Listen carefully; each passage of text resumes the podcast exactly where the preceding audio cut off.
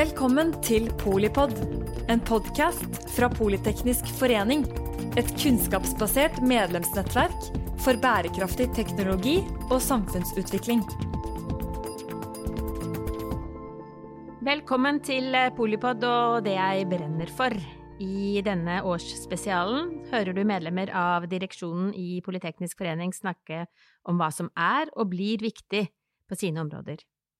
Jørgen Randers, du er professor emeritus i klimastrategi ved Handelshøyskolen BI. Hva brenner du for? Jeg brenner fortsatt for det jeg har brent for i 50 hele år, nemlig å prøve å gjøre jordkloden til et bærekraftig eh, samfunn for alle mennesker med høy velferd for de fleste. Det er ikke småtteri, og det deprimerende faktum er at på tross av at jeg har brukt 50 år på dette, så er jo verden mindre bærekraftig nå enn den var da jeg begynte med dette i 1972. Da kom uh, Limits uh, to Growth? Da var jeg en ung mann på MIT i, i, USA, og vi skrev da, laget den første matematiske verdensmodellen av et visst ska, en skala, og skrev en rapport som het The Limits to Growth, som kom i 1972, og som advarte mot uh, uendelig fysisk vekst på kloden. Boken sa ganske enkelt at man skal huske på at når man bor på en liten klode, så kan man ikke ha uendelig mange mennesker, og man kan ikke ha uendelig stort ressursforbruk per hode eller klimautslipp per hode. Har vi eh, glemt å lese boka, eller? Boken er trykket i et eller annet sted oppimot fire millioner eksemplarer på 36 språk, og jeg pleier som si som en spøk at det er helt åpenbart at de aller fleste bare har kjøpt boken og aldri lest den. Fordi at i de 50 årene som er gått, så har egentlig verdensutviklingen bare fulgt i det sporet som vi advarte mot. Det er noen få unntak. Vi har fått has på befolkningsutviklingen i verden gjennom økt utdanning, ut, helse, eh, noe, prevensjon og, og, muligheter for kvinner, slik at man har halvert kanskje antallet barn per kvinne i snitt. Og vi har også hatt en viss teknisk og eh institusjonell utvikling, altså at vi har Miljøverndepartement og vi har IPCC og vi har andre avtaler. Men stort sett så har det bare gått gæren retning, altså høyere og høyere materielt forbruk, høyere og høyere eh, utslipp. Og det er jo spesielt på klimasiden vi virkelig nå ser eh, problemene av at vi slipper ut dobbelt så mye CO2 hvert år som det som absorberes i havene og skogene i løpet av det året. Så hva gjør du med det brennende engasjementet? det man gjør med det, er at man fortsetter og jeg lever jo av dette, og reiser rundt og snakker og si hva som burde ha vært gjort og gjenta det som vi har sagt til all tid, at for at du skal løse problemene, så er det fem ting som må gjøres. Du må løse fattigdomsproblemet, spesielt i verdens fattige land. Du må løse skjevfordelingsproblemet, altså ta fra de rike og gi til de fattige, både innen den rike verden og mellom nord og sør. Eh, du er nødt til å få løst likestillingsproblematikken, slik at kvinner velger frivillig å ha færre barn fordi de har andre ting å gjøre som er mye morsommere.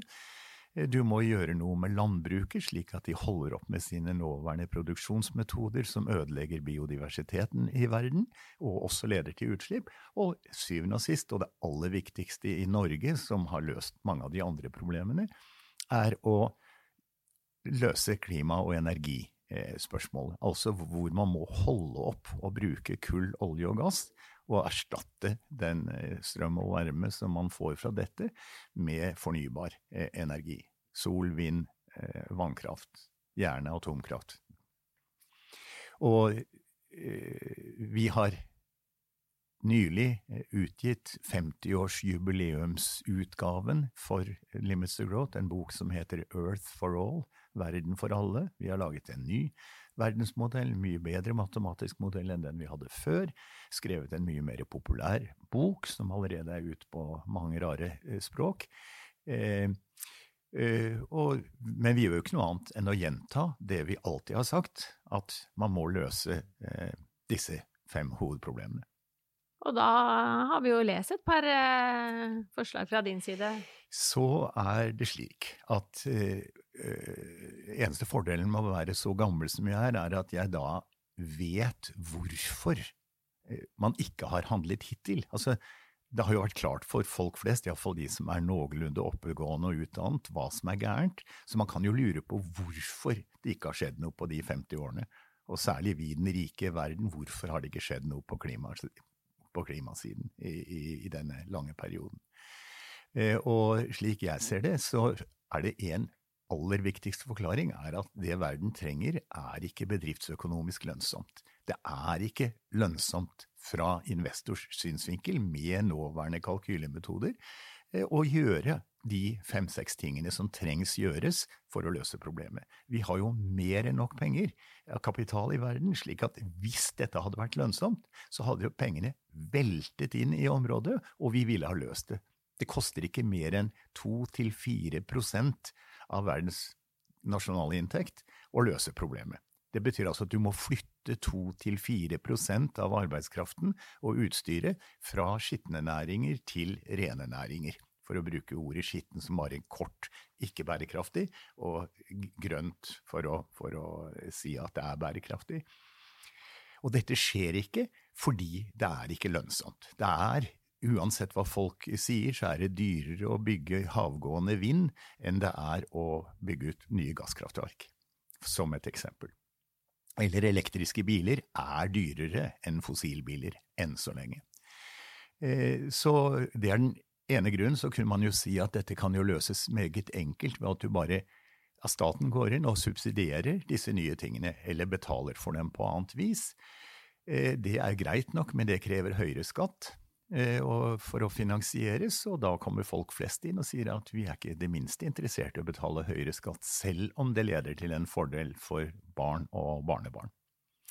Så jeg tror jeg skjønner eh, hvorfor vi ikke kommer noen vei, og mener at det man egentlig burde gjøre med det, er jo da å få folk til å stemme for de riktige partiene, og, og eh, være i favør av en viss betaling i dag for å få en bedre verdig fremtiden. Det som gleder meg mest i dette området, er jo da å anvende denne generelle tankegangen på Norge. For i Norge så står vi overfor to fantastiske muligheter eh, til å virkelig gjøre noe som monner i global skala.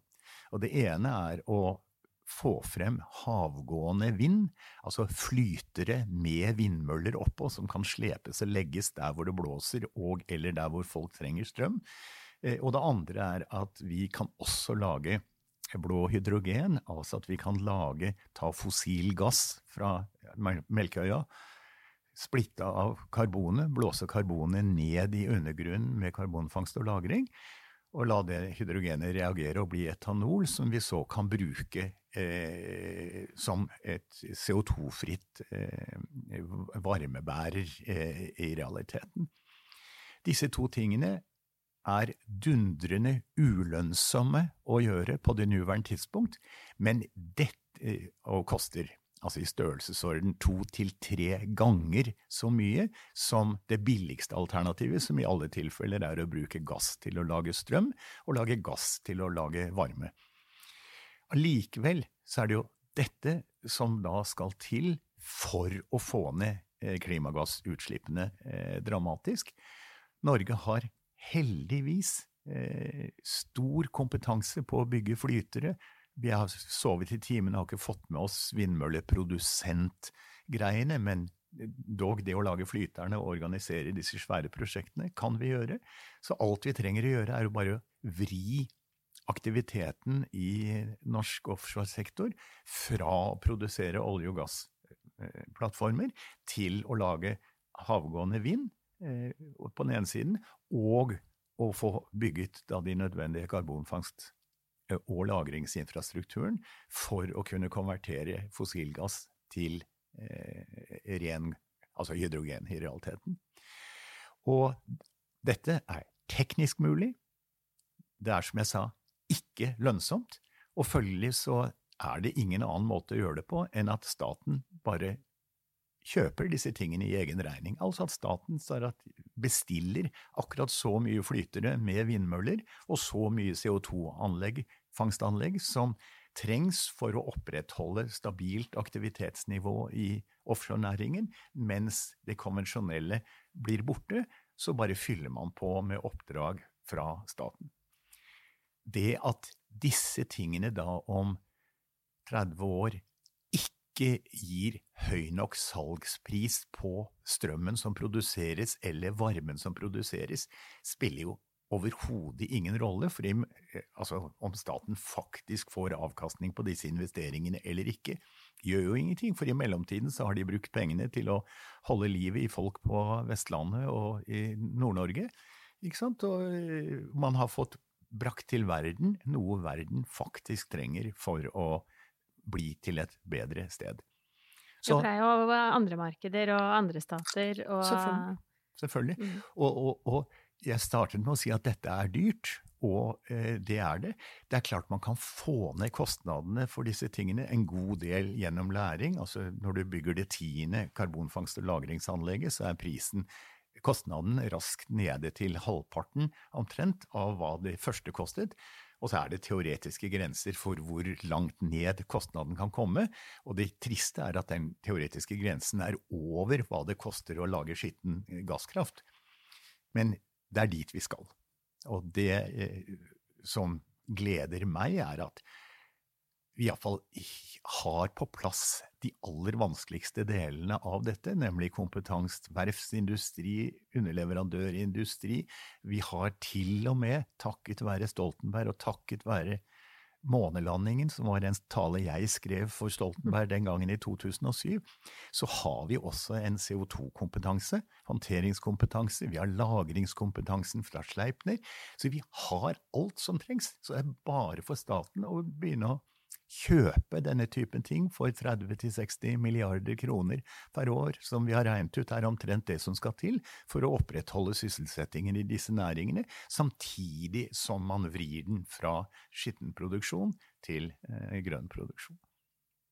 Og det ligger jo også økte eksportinntekter i eh, jeg vet ikke hva det regnestykket eh, inkluderer, men, men, det er jo store ringvirkninger, da, det er klart at eh, hvis vi da først begynner å bygge sånne og demonstrerer at vi kan gjøre det, så vil vel forhåpentligvis andre land før eller senere komme dit hen at de også begynner å skjønne at havgående vind er en, en virkelig fornuftig energikilde.